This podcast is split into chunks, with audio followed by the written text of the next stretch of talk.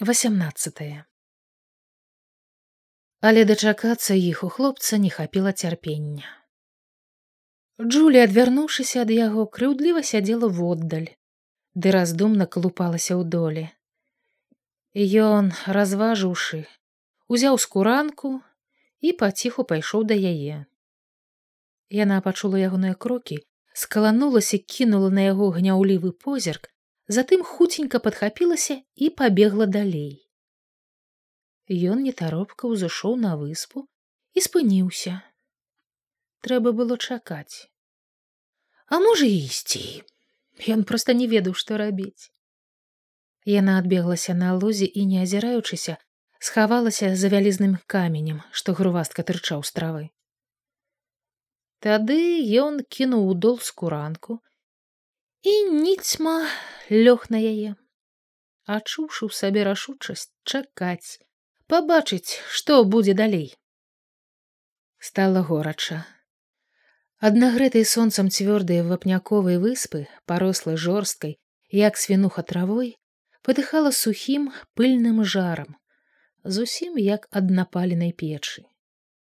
Потнай гарачынёй заходзіліся голыя іванавы плечы спіна Наўкола ў лухавой траве мільгала і пырхала рознакаляровая лятучая драбнота. Іван пазіраў на камень, за якім схавалася Джулія. Тая, аднак, не паказвалася.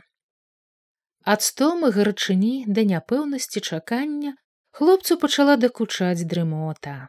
Мусіць, ад ягад, або ад спёкі, адчуванне голаду зменшылася. Затое захацелася піць. Отжа яшчэ не было клопату, думаў Іван.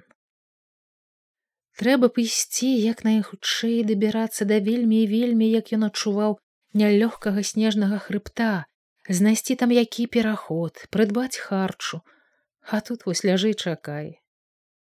Сапраўды, куды як недарэчна павярнулася ўсё ў гэтым яго даволі ўдалым спачатку ўцёку. Каб не даць дрымоце адолець сябе, ён пачаў дзёўбаць каменным чарапком дол. Аднекуль стравы перад яго тварам з'явіўся вялікі чорны за грамаднымі клюшнямі жук. Пэўна, здзіўлены нечаканай сустрэчай спыніўся, выставіў свае харачыныя вочы і чакаў, грозна варушачы доўгімі гнуткімі вусамі. Іван толькі дакрануўся да яго пальцам, як жук адразу выпрастаў усе свае шэсць ног і апруцянеў. Іван занёс руку, каб стрыкнуць прэч не дужа прыемнае гэтае стварэнне, як раптам учуў ззаду крокі. Ён крутнуўся ў долі так прухка, што чалавек, пэўна ад нечаканасці, голасна ікнуў і адначасова з незвычайным спрытам скочыў у бок. Падышоў ён ужо зусім блізка і цяпер насцярожана стаяў у траве, уставіўшыся ў івана нялюдскімі вачыма. Гэта быў усё той жа немец вар'ят. Прывет, іранічна усміхнуўшыся, сказаў Іван. Жывём, значыць. Іван нават здзівіўся, ніяк не чакаючы убачыць яго тут, такога ж здзічэлага, загнанага, шчарнелага ад поту і бруду, з амаль нялюдскім выразам на ссохлым твары, у незашпіленай курцы і парваных у шматкі штанах. Да таго ж немец кульгаў, ледзьве ступаючы на адну нагу. Але глядзі ты, прывалокся. Пры такім яго стане проста зайздроснай была яго упартасць. Як здань ён неадступна цягнуўся за імі, невядома на што разлічваючы. Брат. Ціха, але з прыкметнай пакорлівай роспачу ў голасе сказаў немец. Зноў брод злосна здзівіўся иван ты што на ўтрыманне ў нас? Вар'ят зрабіў некалькі нерашучых крокаў да ивана брод ты ж збіраўся ў гестапа да свайго гітлера! Нікс хітлера гітлер капут капут даўно б так наўрад ці разумеючы яго вар'ят растапырыўшы кастлявыя руки цярпліва і насцярожана чакаў иван запусціў руку ў скуранку і, не вымаючы адтуль буханкі, адламаў маленькі кавалак скарынкі. Убачыўшы яе ў іванавых руках, немец ажывіўся, вочы яго заблішчалі, дрыготкія кісці рук у кароткіх абадраных рукавах пацягнуліся наперад. Брат, брат, трымай і правальвай адсюль. Іван шпурхнуў хлеб немцу, але той не злавіў яго кінуўся на зямлю аберуч з рынку разам з травой і пяском і ўскочыў затым боязна азіраючыся бокам падаўся ўніз па схіле відаць чакаючы і боючыся пагоні можа адчэпіцца цяпер падумаў иван тое што гэты гётклінг апярэдзіў іх было бяспечней чым калі б ён увесь час ішоў ззаду Іван задуменным позіркам праводзіў яго, пакуль той не схаваўся ў лагчыне і зноў лёг на скуранку. Учарашняя яго злосць да гэтага чалавека знікла, хоць ён не адчуваў да яго і спагады. Вельмі яшчэ свежыя былі ў ягонай душы боль страт і памяць аб людзях, якіх загубілі суайчыннікі гэтага немца. Праўда, той мог быць і антыфашыстам па перакананні, толькі вядома чаго варта перакананне якое так дарэшты спляжылася.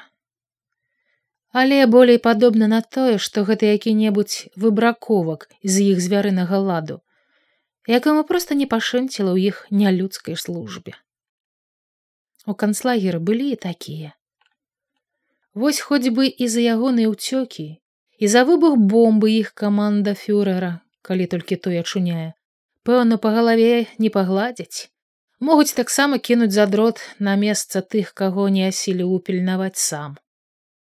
Хоць яго напэўна паставяць капой таксама надзеляць улады і знішчаць вось табе гёфтлінг і як быў ён сабакам у адносінах да людзей так ім і застанецца хіба што ягоная нянавісць да зняволеных з прычыны асабістай няўдачы яшчэ пабольшая яшчэ ён наробіць людзям бяды. Фашысты многага дасягнулі сваім энтменшунгу. Самы подлы з усіх чорных спраў на зямлі.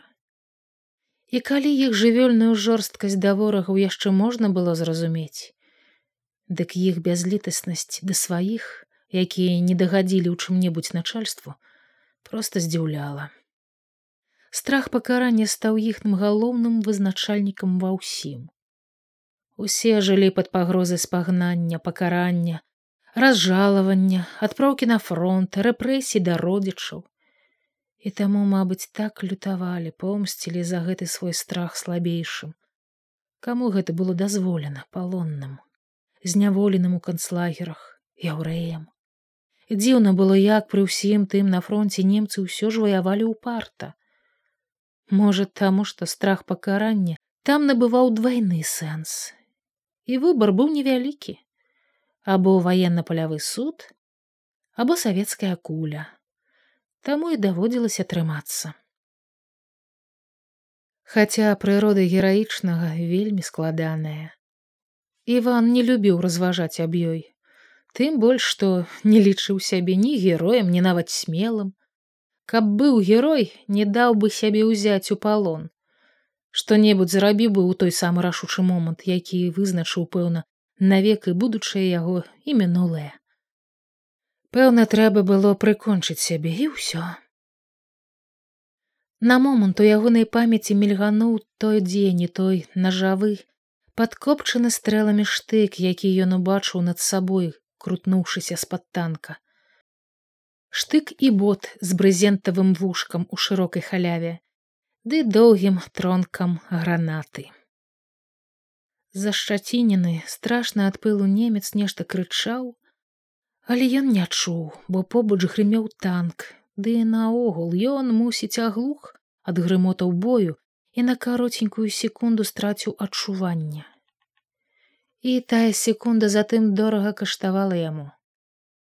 Сляды ад яе ў душы на целе застануцца пэўна навек. Ён не быў у палку ні героем ні нават прыкметна смелым. Быў як і ўсе па пехацінску цягавіты і ў меру засяроджаны За ранейшыя баі атрымаў тры падзякі вярхоўнага ды і два медалі за адвагу і думаў, што на большае не здатны. І толькі вось тут у палоне, дзе некаму было не натхняць на салдацкія подзвігі, не ўзнагароджваць, не нават браць пад увагу геройскае, дзе за кожную маленькую правіннасць можна было заплаціць жыццём, тут у ім хтось абудзіўся, непакорны дзёрзкі і ўпарты. Тут ён убачыў падыспад фашызму і, мабыць, упершыню зразумеў, што пагібель не самае горшае з усяго, што можа здарыцца на вайне. Отдаль халяп! раптам раздаўся над ім голас Джуліі. Ён унутрана здрыгануўся ад неспадзеўкі, але тое, што яна падышла, пранізала яго радасцю і хлопец хуценька павярнуўся на доле. Отдаль хляб! З зацятую стрывожанасцю на твары пыталася Джулія. Мінон трыеста? Але свініта? Да? Ну што ты, сказаў ён і усміхнуўся. Толькі скарынку аддаў. Яна нахмурыла лоб і пільна глядзела на яго. Тады ён дастаў з кішэні апошні кавалак. Во, толькі скарынку, разумееш? пераадольваючы штосьці ў сабе джулія прамаўчала. Лоб яе аднак паступова разгладжваўся. Ми ідэт тресто правда? Но пойдзем канечне. Адкуль ты ўзяла што не пойдзем на яе твары ўсё яшчэ адбівалася нешта труднае дзяўчына цярэбячы на грудзях куртку відаць нешта вырашала і раптам кінулася да яго надол. Паставіўшы каленкі, яна абляглася на іх рукамі і схавала ў рукавы твар. Руссо, ты карошы руссо, загаманила яна і адной сваёй рукой паціснула яго руку. Нон влясов, буно руссо, Джулія плохо. Ну, нашто так? З раптоўнай няёмкасцю ад тых слоў запярэчыў Іван. Нашто не трэба. Очен очен не слухаючы яго казала яна. Відаць штосьці ў яе раптам выбухнуўшы памалу адбалела за пакутную гадзіну іх ростані нешта яна зразумела і цяпер попрасіла иван нон бёзе Джулія нон бёзе нічога ўсё добра. Седзячы ў долі ён нашчадна ўзяў у свае руки яе маленькую мяккую далоньку. Дзяўчына не адабрала яе.